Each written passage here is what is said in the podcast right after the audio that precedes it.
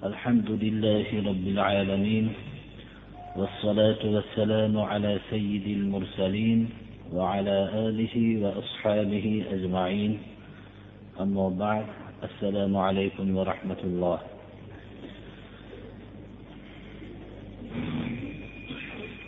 أعوذ بالله من الشيطان الرجيم. بسم الله الرحمن الرحيم. وإن منهم لفريقا يلغون ألسنتهم بالكتاب لتحسبوه من الكتاب وما هو من الكتاب ويقولون هو من عند الله وما هو من عند الله ويقولون على الله الكذب وهم يعلمون. صدق الله العظيم. qur'oni karimdan davom etayotgan darsimiz ahli kitoblarning iso alayhissalom haqida bo'lgan ba'zilari kamsitib gapirishgan bo'lsa ba'zilari haddan tashqari ulug'lashib ollohning o'g'li deydigan darajada shunday deyishganliklarini alloh subhanahu va taolo bu so'zlarni hammasini rad qilganligini avvalgi darslarimizda o'rgangan edik.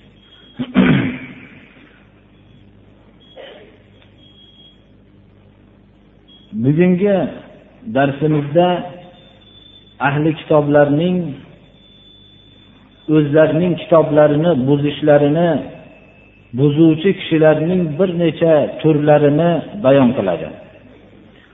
Adashtiruvchi toifalarning namunalarini bizga ko'rsatib beradi. Adashtiradigan kishilar ollohning payg'ambarlarga nozil qilgan muqaddas kitoblarini vosita qiladigan adashtiruvchilarning namunalarini bizga ko'rsatadi. Hatto bular ixtiro qilib oyat hadislardan bo'lgan narsalarning o'zlarini maqsadlariga burib ketib oyat hadisdan bo'lgan maqsadni aytmasdan o'zining maqsadiga burib ketgan adashtiruvchi kishilarning namunalarini bizga ko'rsatib beradi. Va bu so'zlarni ollohning ulug' payg'ambarlariga nisbatlashib hatto iso alayhissalom muso alayhissalomlar aytgan bu so'zlarni deb aytmagan so'zlarini aytgan ahli kitoblarning namunalarini alloh subhanahu va taolo bizga bildirib beradi. Mana bu oyatning qisqacha mazmuni ahli kitoblarning ichida bir toifalar borki ular tillarini kitobni tillari bilan burishib o'zlarining maqsadlariga burishadi. Sizlar bu o'zlari qilgan tavillarni ollohni kitobidan aytyapti. Degan deb gumon qilishinglar uchun. O'zi ular qilgan tavillar ollohni kitobidan emas u o'zlarining maqsadlarini bayon qilishyapti ular. Ollohning kitobni nozil qilishlikdan bo'lgan maqsadini ollohni kitobidagi ollohning maqsadini aytishayotgani yo'q. O'zlarining maqsadlarini aytishadi sizlar kitobdan aytib beryapti deb o'zlarining maqsadi ekanligini bilmay qolishliginglar uchun buni kitobdan aytib beryapti deb gumon qilishinglar uchun tillarining o'zlarini maqsadlariga burishadilar mana. Va aytishadi bu narsa ollohni huzuridan deyishadi. Vaholanki bu ollohni huzuridan emas edi u.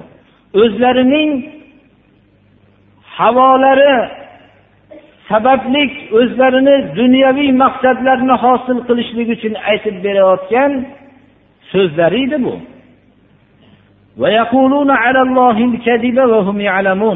Bular odamlarga yolg'on bo'xtonlarni aytib bo'lishgandan keyin hatto bular ollohga ham bo'lgan maqsadlarini bo'xtonlarini ollohga ham bo'xton qilishadi. Bilib turib shu ishni qilishadilar. Bo'xton qilayotgan kishilar o'zlarining bo'xtonlarini boshqalar bilishligidan ilgari biladi.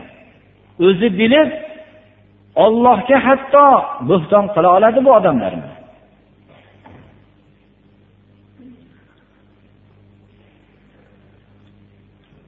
hozirda ham birodarlar shuning uchun biz qur'on bilan hadislarni ma'nosini aytayotganimizda uni o'zimizni maqsadimizga burmasdan aytishligimiz kerak.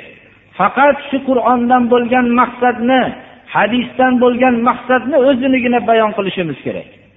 O'zimizni nafsimiz xohlagan tarafga burmasligimiz kerak. Bu ahli kitoblarning bu toifasini bizga alloh subhanahu va taolo bayon qilib berishligi shunday namunalardan ehtiyot bo'lishlik kerakligiga ishora beradi shunday odamlarni ichida ollohni kitobi bilan odamlarni o'zlarini maqsadlari tarafiga burib ketadigan kishilardan hushyor bo'lishlik kerakligiga ishoradir.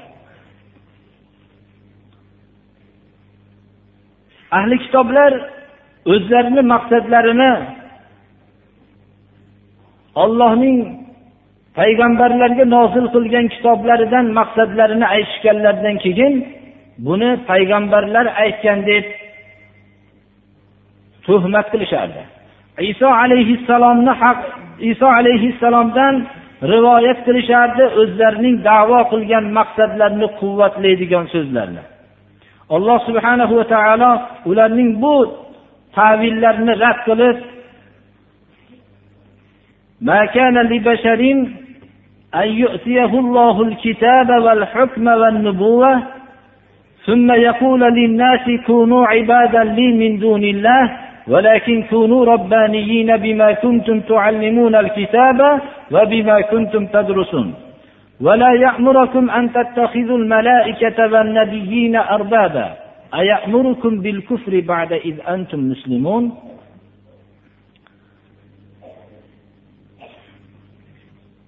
iso alayhissalom haqida ollohni o'g'li deyishardi menga ibodat qilinglar degan shuning uchun u kishiga sig'inamiz deyishardi. Alloh subhana va taolo bularning bu davolarini rad qilib insonlar uchun har qanday inson uchun martabasi baland bo'lgan bo'lsa ham mumkin emas. Agar alloh subhanahu va taolo unga kitob bergan bo'lsa payg'ambar qilib kitob nozil qilgan bo'lsa hukm tushirgan bo'lsa nubuvvatni bergan bo'lsa bu payg'ambar uchun odamlarga menga ollohdan tashqari ollohni qo'yib sig'inuvchi kishilar kishilar bo'linglar deb aytishligi mumkin emas odamlarga. Alloh subhanahu va taolo bir kishiga kitob bergan bo'lsa payg'ambarlikni bergan bo'lsa xalqlar o'rtasida haq bilan botilni hukm qilib berishlik ilmini bergan bo'lsa bunday kishini insonlarga xitob qilib ollohni qo'yib menga sig'inuvchi kishilar bo'linglar deb aytishligi mumkin emas. Bu so'zni hech aytmaydi. Kitob berilgan nubuvvat berilgan pokiza ollohning payg'ambarlari bu so'zni hech qachon aytmaydi.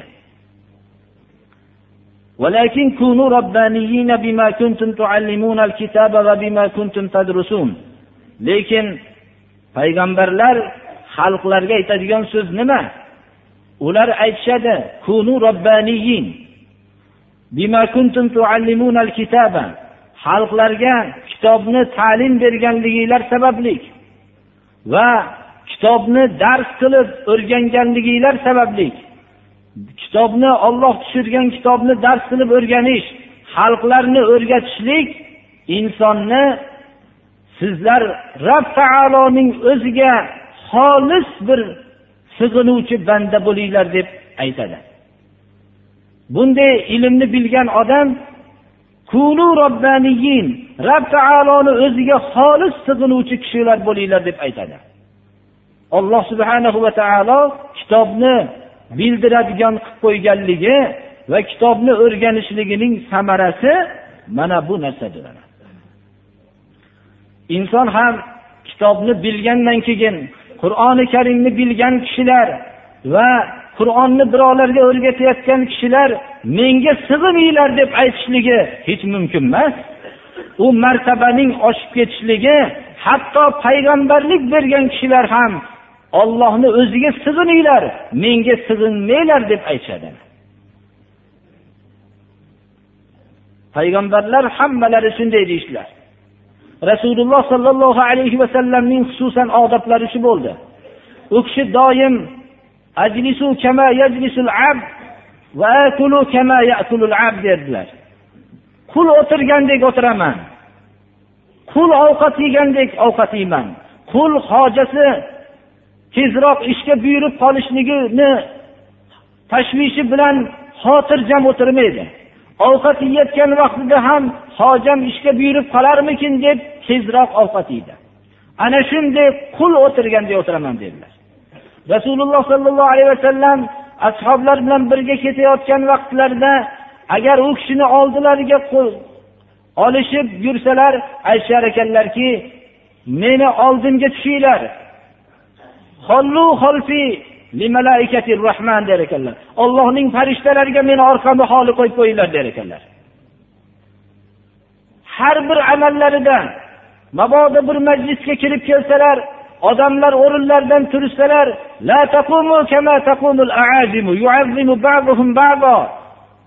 ajamlar turgandek bir birlarini ta'zim qilgandek meni ta'zim qilmanglar der ekanlar. Ana rasululloh sollallohu alayhi vasallam xususan bu kishi xalqlarga hammasiga yakka ollohning o'ziga sig'inishlikni o'rgatdilar. Ammo sahoba ikromlar rasululloh sollallohu alayhi vasallamni ehtirom hurmat qilishlikda hech qaysi bir millat o'zining payg'ambarini o'zining peshvosini bu darajada hurmat qilgan emas. Hurmat bu boshqa narsa bu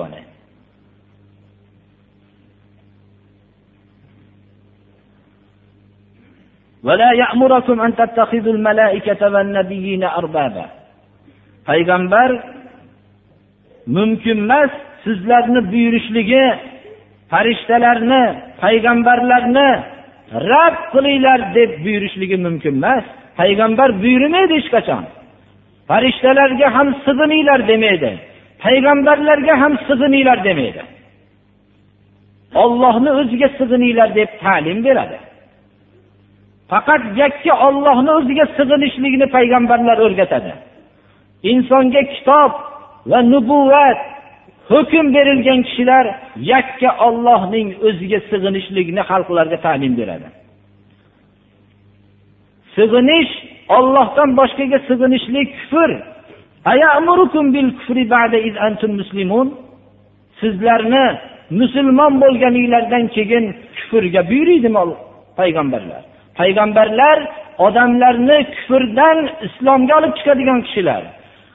Payg'ambarlar har xil tarbiyat kunandalardan insonlarni ajratib olib yagona tarbiyat kunanda tarafiga yo'llaydigan kishilar.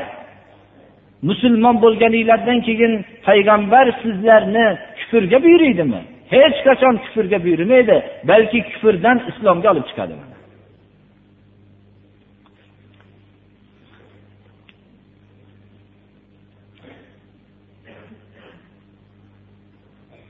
mana mana shu oyat bizlarga ham biz ahli ilmlarga ham aloqamand bo'lishligi kerakki ollohning qur'onini o'zimizni maqsadimizga burib ketishligimiz mumkin emas.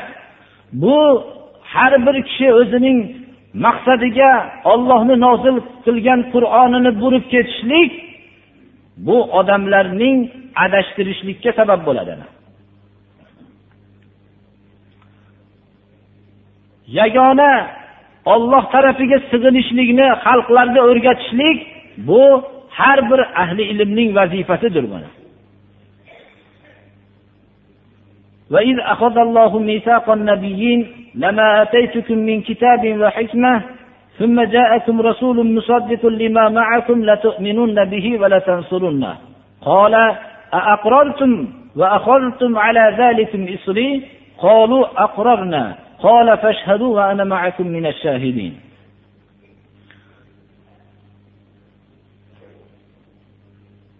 alloh subhanahu va taolo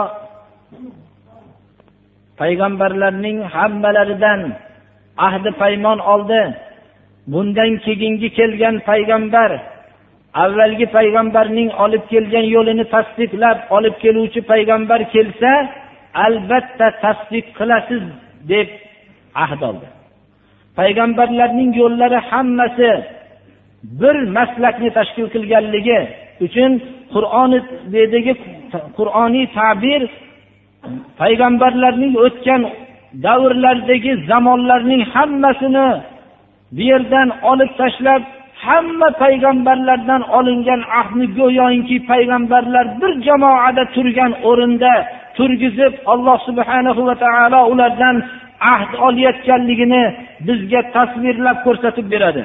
Allohul jalil ularning hammasiga xitob qilayotib ularni hammasini bunga guvoh qilib o'zi guvoh bo'lganligini nihoyatda manzarani bir qo'rqinchli suratda qilib olib keladi. Ya'ni hamma payg'ambarlardan alloh subhanahu va taolo ahd oldiki bundan keyingi payg'ambar agar payg'ambar jo'natsam buni albatta tasdiq qilasizlar iymon keltirasizlar va yordam berasizlar deb alloh subhanahu va taolo ahd oldi. Xususan payg'ambarimiz sollallohu alayhi vasallamning payg'ambar qilib oxirgi payg'ambar qilib jo'natilishligi o'tgan muqaddas kitoblarning hammasida bor edi. Agar shu payg'ambarni payg'ambar qilib jo'natsam oxirgi payg'ambarni albatta sizlar iymon keltirasizlar va shu yordam berasizlar deb ahd olgan edi. Mana bu ahdni bayoni alloh subhanahu va taolo payg'ambarlardan ahdi paymon olgan vaqtni yodingizga oling. Sizlarga kitob va hikmat berganligim sababli ba'zi tafsirlarda tafsir qilingan ba'zi tafsirlarda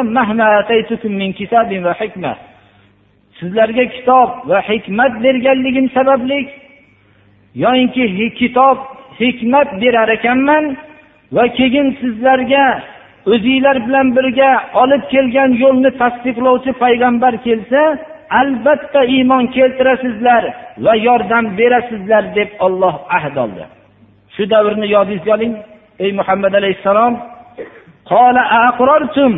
Alloh subhanahu va taolo bularga savol qildi. Iqror bo'ldinglarmi? Bu narsaga ahd menga ahd berdinglarmi? Shu menga bergan ahdni ushladinglarmi? deb alloh subhanahu va taolo savol qildi. Hamma payg'ambarlar javob berdiki iqror bo'ldik dedi alloh subhanahu va taolo shu ahdi paymonga hammani guvoh qildi va o'zi ham guvoh bo'ldi guvoh bo'linglar men sizlar bilan birga guvohman dedi ana bu har bir payg'ambar olib kelgan yo'lga yordam berish har bir payg'ambarning ustidagi ahd bo'lib qoldi. Bunga hammalari guvoh bo'lishdi. Allohul jalil subhanahu va taolo guvoh bo'ldi. Har bir payg'ambarning yo'liga yordam berishlik har bir mo'minning vazifasi bo'lib qoldi mana.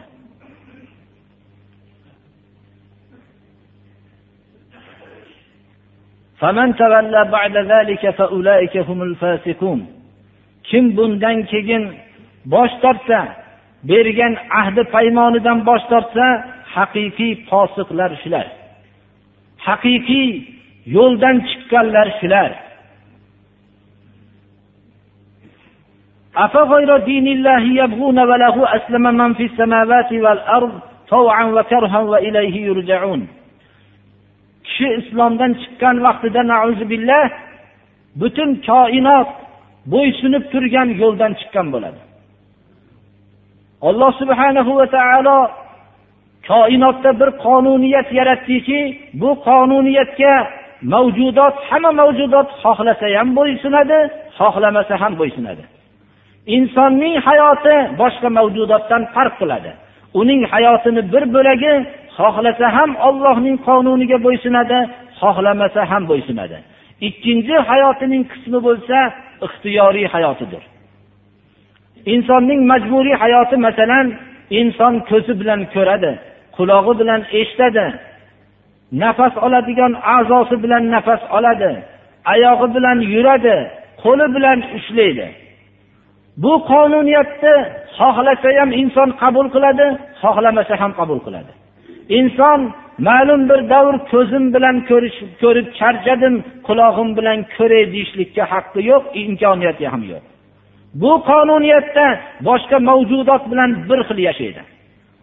Lekin insonni hayotining ikkinchi qismi ixtiyoriy hayotni tashkil qiladi.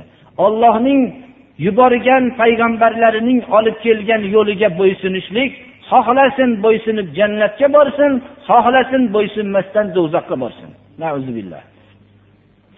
Ana endi inson uchun alloh subhanahu va taolo ixtiyoriy hayotida ham qonun jo'natdi. Bu qonun shariat qonunidir bu shariat qonunidan tashqariga chiqishligi bilan hamma mavjudot bo'ysunib turgan qonundan va o'zining hayotini bir qismi bo'ysunib turgan qonundan tashqariga chiqib hech kelishmovchilik vujudga keladi. Ana shuning natijasida inson dovdiray boshlaydi. Hayotda hamma qulayliklar bo'lishligi bilan birga bu hayotdan o'ziga hech qanday foyda ololmaydi. Hozirgi zamonda moddiy qulayliklar bilan boyib yotgan mamlakatlarni bir ko'rib ko'z tashlasangiz ular hammasi ruhiy asabiy kasalliklarning hammasini shu yerdan topasiz. Nima uchun?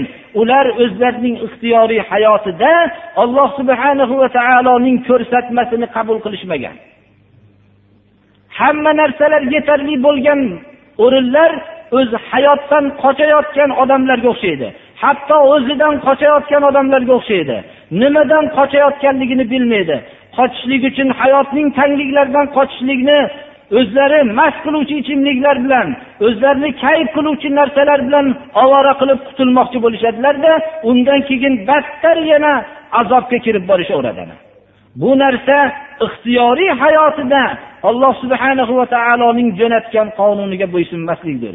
Atrofidagi hamma muhit hatto o'zining jasadi ham ollohni qonuniga xohlasa ham xohlamasa ham bo'ysunadi alloh subhanahu va taolo mana bu haqiqatni bayon qilib ollohni dinidan boshqani istashadimi? Ollohni dinidan boshqa yo'llarni istashadimi?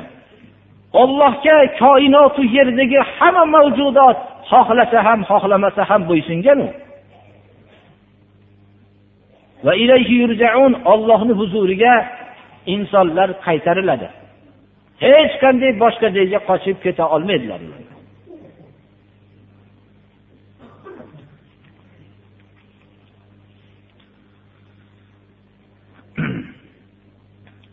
Islom millati haq millat bo'lar ekan.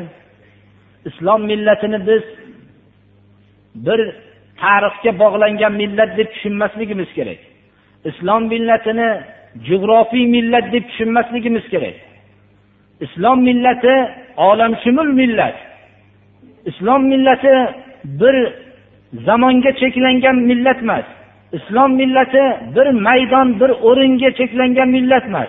Islom millati olamshumul millat.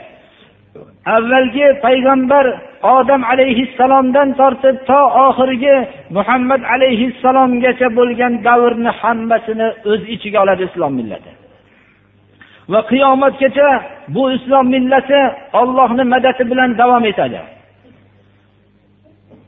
mana bu haqiqatni alloh subhanahu va taolo muhammad alayhissalomga bayon qilishlikka buyuryapti قل آمنا بالله وما أنزل علينا وما أنزل على إبراهيم وإسماعيل وإسحاق ويعقوب والأسباط وما أوتي موسى وعيسى والنبيون من ربهم لا نفرق بين أحد منهم ونحن له مسلمون ayting ey muhammad alayhissalom ollohga iymon keltirdik biz deb ayting bizlarga tushirilingan qur'onga iymon keltirdik deng va ibrohim ismoil alayhissalomlarga tushirilgan sahifalarga iymon keltirdik deng.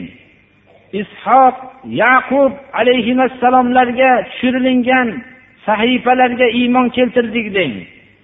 Val asbati asbat yaqub alayhissalomning o'n ikki farzandlaridan tarqalgan avlodni asbob deydi. Mana shu asbob shularning bani isroilning shabasi bani isroilning payg'ambarlar o'tgan qismlar asbot turini. Asbotlarga tushirilingan sahifalarga iymon keltirdik deng muso iso alayhissalomlarga berilgan tavrot injillarga iymon keltirdik deng robbilari tarafidan boshqa payg'ambarlarga umuman olloh o'ziga ollohni o'ziga ma'lum bo'lgan payg'ambarlarning hammasiga berilingan kitoblarga iymon keltirdik deng. Ularning birortalarini o'rtasini farq qilib ajratmaymiz deng. Biz har birlariga taslim bo'lib iymon keltiruvchi muslimlarmiz deb e'lon qiling deyapti alloh taolo. Bu e'lonni alloh subhanahu va taolo payg'ambarimiz sollallohu alayhi vasallamga buyurdi qaysi vaqtda? Butun ahli kitoblar payg'ambarimiz bilan jang qilib turgan vaqtda. U kishining yo'liga qarshi bo'lib turgan vaqtda u kishiga makr hiylalarni ishlatib turgan vaqtda o'tgan payg'ambarlarning hammalarini tasdiqlashlikka ularga tushirilingan kitoblarning haq ekanligini e'lon qilishlikka buyurdi. Bu narsa dinning islomning kelayotgan markazi bir joy ekanligini isboti bo'ladi. Inson o'ziga qarshi bo'lib dushmanlik qilib turgan odamning yo'llarini tasdiq insoflik to'g'ri yo'llarini tasdiqlashlikdan har qanday kishi ojizlik qiladi. Bundan payg'ambarlargina ojizlik qilmaydi bir kishi bilan ikkinchi kishi o'rtasida husumat paydo bo'lsa bir kun ilgari hamma amali yaxshi bo'lib turgan odam ertasiga borib unda yaxshi amal yo'q deb aytaveradi bu insonning ojizligi tarafidan sodir bo'layotgan narsa. Payg'ambarlar bizni payg'ambarimiz muso deb turgan yahudiylarga muso alayhissalomga tushirilgan tavrotga iymon keltirdik biz deb e'lon qilib turdilar. Musulmon kishining iymoni o'tgan payg'ambarlardan birortasini inkor qilsa kufr bo'ladi mana payg'ambarlar korvoni hammalari alloh subhanahu va taolo tarafidan yagona yo'lni olib kelgan muhammad alayhissalom bu yo'lning komil suratini olib kelganlar ومن يبتغي غير الإسلام دينا فلن يقبل منه وهو في الآخرة من الخاسرين kim islomdan boshqa yo'lni din o'ziga hayotiga din deb tanlab olsa undan hargiz qabul qilinmaydi hech qanday amalini. U oxiratda ziyonkorlar jumlasidan bo'ladi. Oxiratda haqiqiy haqiqiy suratda ziyonkor kim? Butun hayotida ollohni yo'lini qo'yib boshqa yo'llarni tanlagan odam ziyonkor. Butun qilgan hayotida biror amali qabul qilinmagan holatda borib qolsa haqiqiy ziyonkor shu odam bo'ladi hayotdek qimmatbaho narsani ollohni yo'liga sarf qilmaganligi bilan haqiqiy ziyonkorlardan bo'ladi.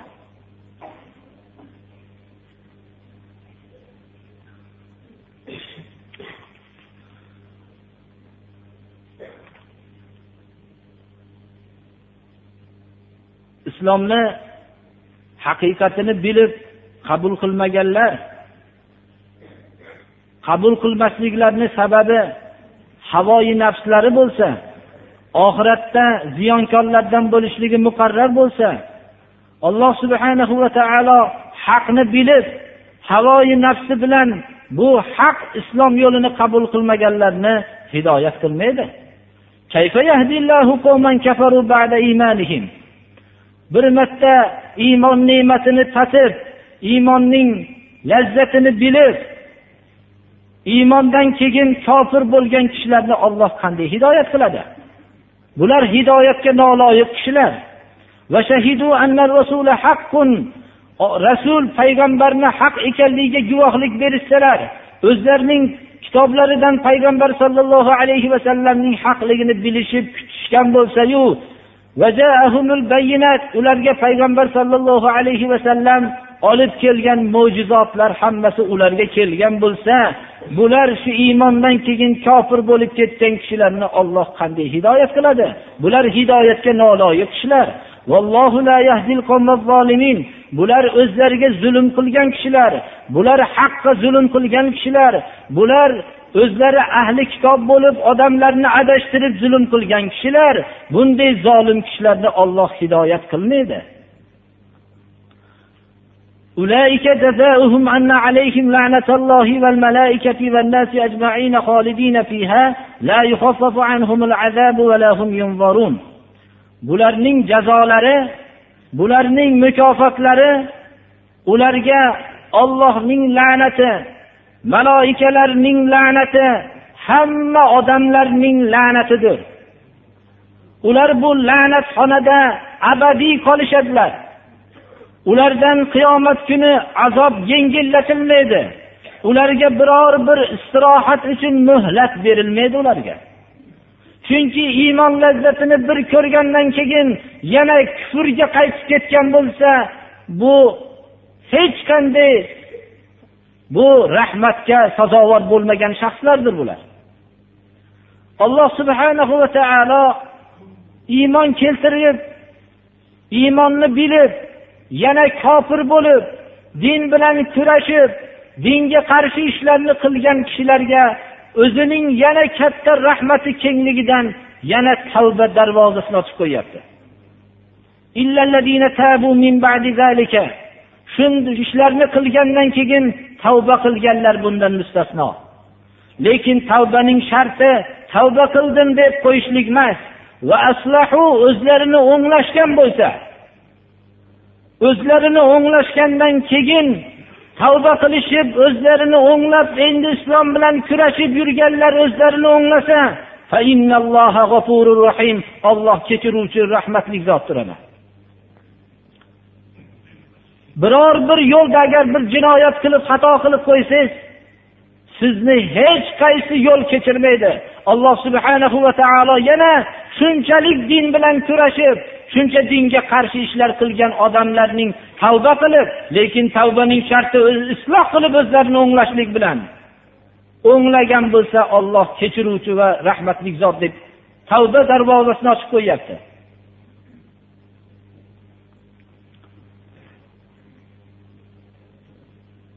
Hozir mana bu oyatdan din bilan umr bo'yi kurashganlar din bilan butun odamlarni dindan chiqarishlik uchun kurashganlar mana bu oyatni alloh subhanahu va taolo tavba qilganlarga darvozani ochib qo'yyapti. Lekin o'zlarini isloh qilib o'nglashsalar olloh gunohini kechiradi deyapti. olloh rahmatiga oladi deyapti mana bu vaqtni g'animat bilib hayotlarida o'zlarining qilgan ishlariga afsus nadomat qilib darrov isloh qilib olishlari kerak ammo o'zlari tavba qilishmasalar isloh qilishmasalarchi إن الذين كفروا بعد إيمانهم ثم ازدادوا كفرا لن تقبل توبتهم وأولئك هم الضالون iymondan keyin otalari musulmon bo'lgan bo'lsa volidalari musulmon oilada tug'ilgan bo'lsa shu musulmon oilada tug'ilishib voyaga yetgandan keyin iymonda yurib iymondan keyin kofir bo'lishgan bo'lsa va keyin bunday iymonga chaqirilingan so'zlarni eshitib yana kufrlarini ziyoda qilishgan bo'lsa alloh subhanahu va taolo endi ularning tavbalarini qabul qilmaydi hargiz qabul qilmaydi. Haqiqiy adashganlar shular.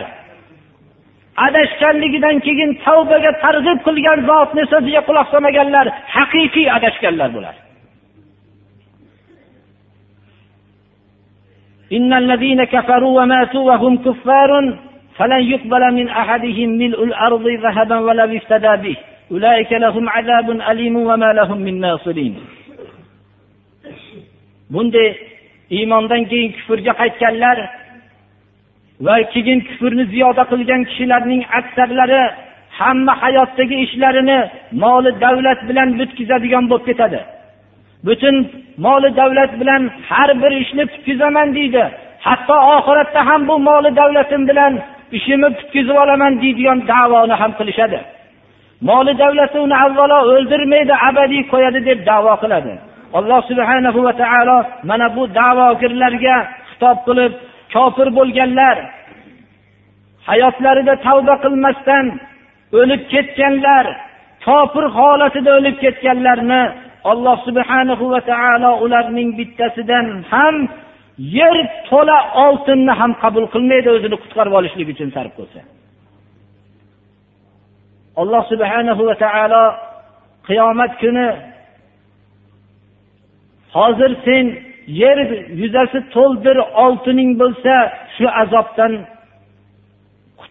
qutulib olishlik uchun sarf qilasanmi desa sarf qilaman bundan yana ikki barobarini ham sarf qilardim der ekan alloh subhanahu va taolo sendan hayotda juda oddiy narsani talab qilgan edi shuni qabul qilmading der ekan tavba qilib o'zingni isloh qilib o'nglagin hayotda ham yaxshi yashaysan. Oxiratda ham yaxshi yashaysan degan oddiy narsani sendan talab qilgan edi. Sendan moli davlat talab qilmagan edi. Magar zakotni talab qilgan edi shunday narsani sen qabul qilmagansan. Ana qiyomat yer to'la yer yuzasi to'la oltinni o'zining azobdan qutqarib olishlik uchun bersa ham ulardan qabul qilinmaydi. Butun vujudi pora bilan yashayotgan kishilar oxiratni ham shunday tasavvur qilishadi.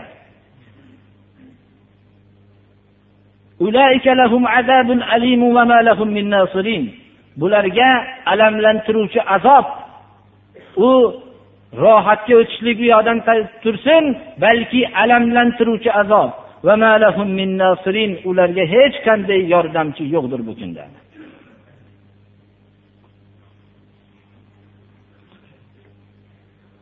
Mana alloh subhanahu va taolo bizlarga mana bu qur'oni karimdagi bu oyatlarni nozil qildi.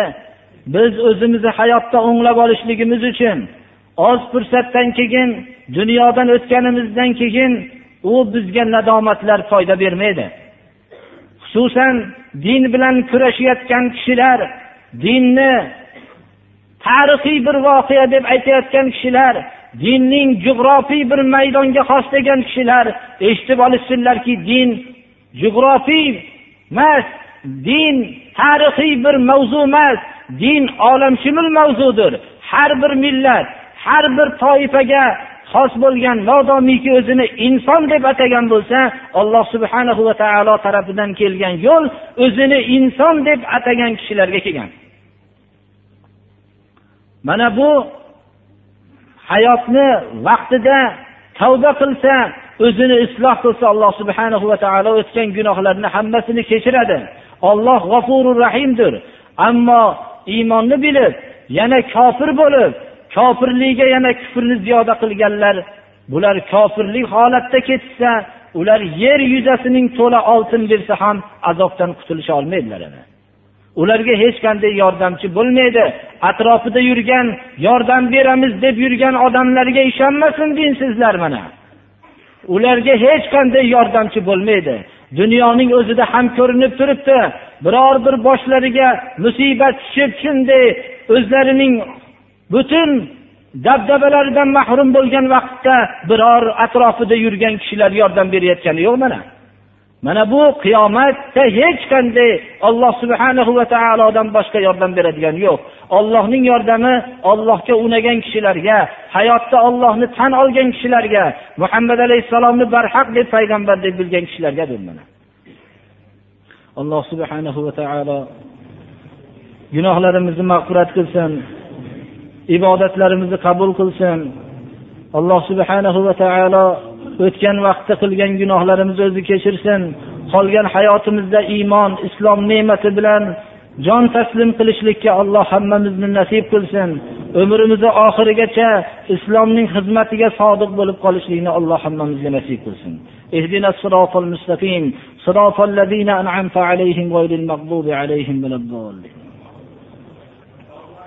amin alloh subhanahu va taolo bizlarni ham gunohlarimizni mag'firat qilsin Islomni xizmatiga alloh taolo doim nasib qilsin odamlarning hidoyatiga sabab qilsin alloh taolo. Bu shabon oyida turganligimiz uchun ramazoni sharif haqida ham bir ma'lumotga ega bo'lsak degan fikrlar bo'lsa kerak. Biz hozir bundan keyingi juma shabon oyini axiri bo'ladi.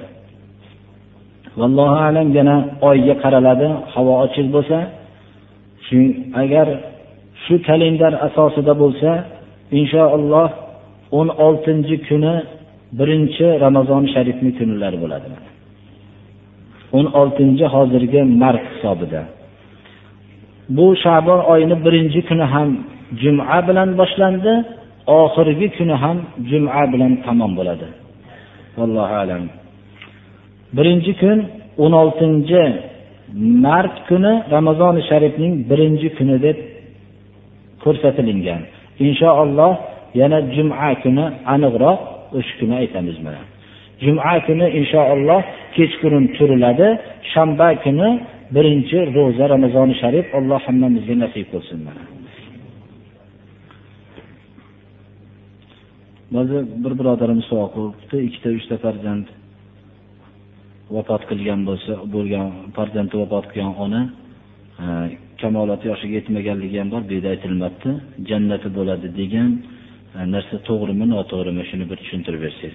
Payg'ambarimiz sollallohu alayhi vasallamdan ayollar kelishib so'rashdilarki yo rasululloh erkaklar bizga g'alaba qildi.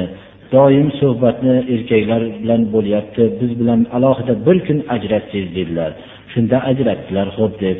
Ajratgan kunlarida shunda qilgan xitoblardan bittasi shu bo'ldiki qaysi bir kishini ayolning e, uchta farzandi vafot qilgan bo'lsa kamolot yoshiga yetmasdan balog'at yoshiga yetmagan farzandi vafot qilsa do'zax o'tidan parda bo'ladi dedilar.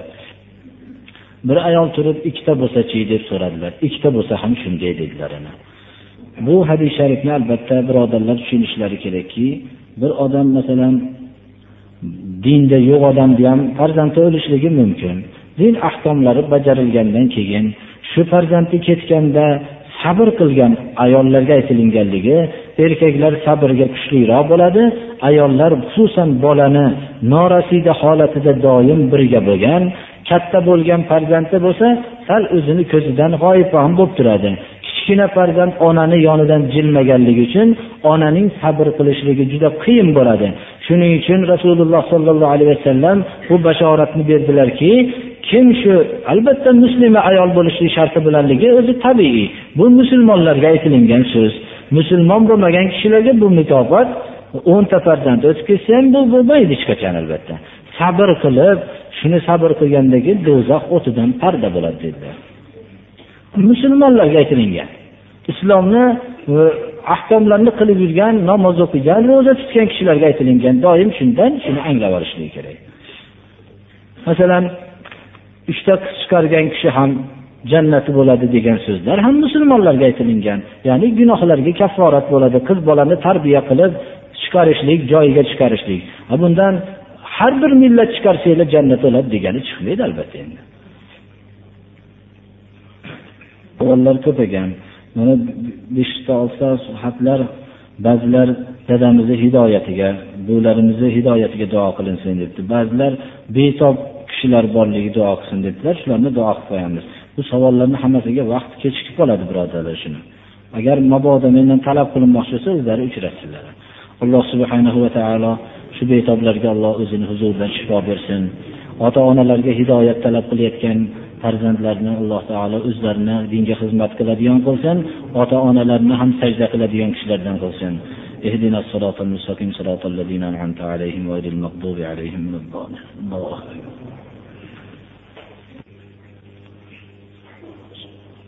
الرحمن الرحيم اللهم تقبل منا هذه الصلاة وعف عنا مع جميع نقصاناتها بفضلك وكرمك يا أكرم الأكرمين ويا أرحم الراحمين. اللهم صل على محمد وعلى آل محمد كما صليت على إبراهيم وعلى آل إبراهيم إنك حميد مجيد.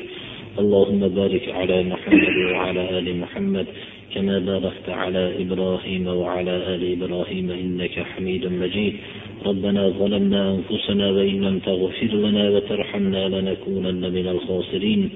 ربنا اغفر لنا ذنوبنا وإسرافنا في أمرنا وثبت أقدامنا وانصرنا على القوم الكافرين. اللهم ألف بين قلوبنا وأصلح ذات بيننا واهدنا سبل السلام ونجنا من الظلمات إلى النور.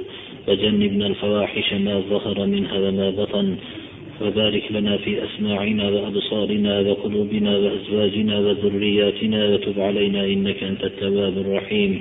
ربنا هب لنا من أزواجنا وذرياتنا قرة أعين وجعلنا للمتقين إماما.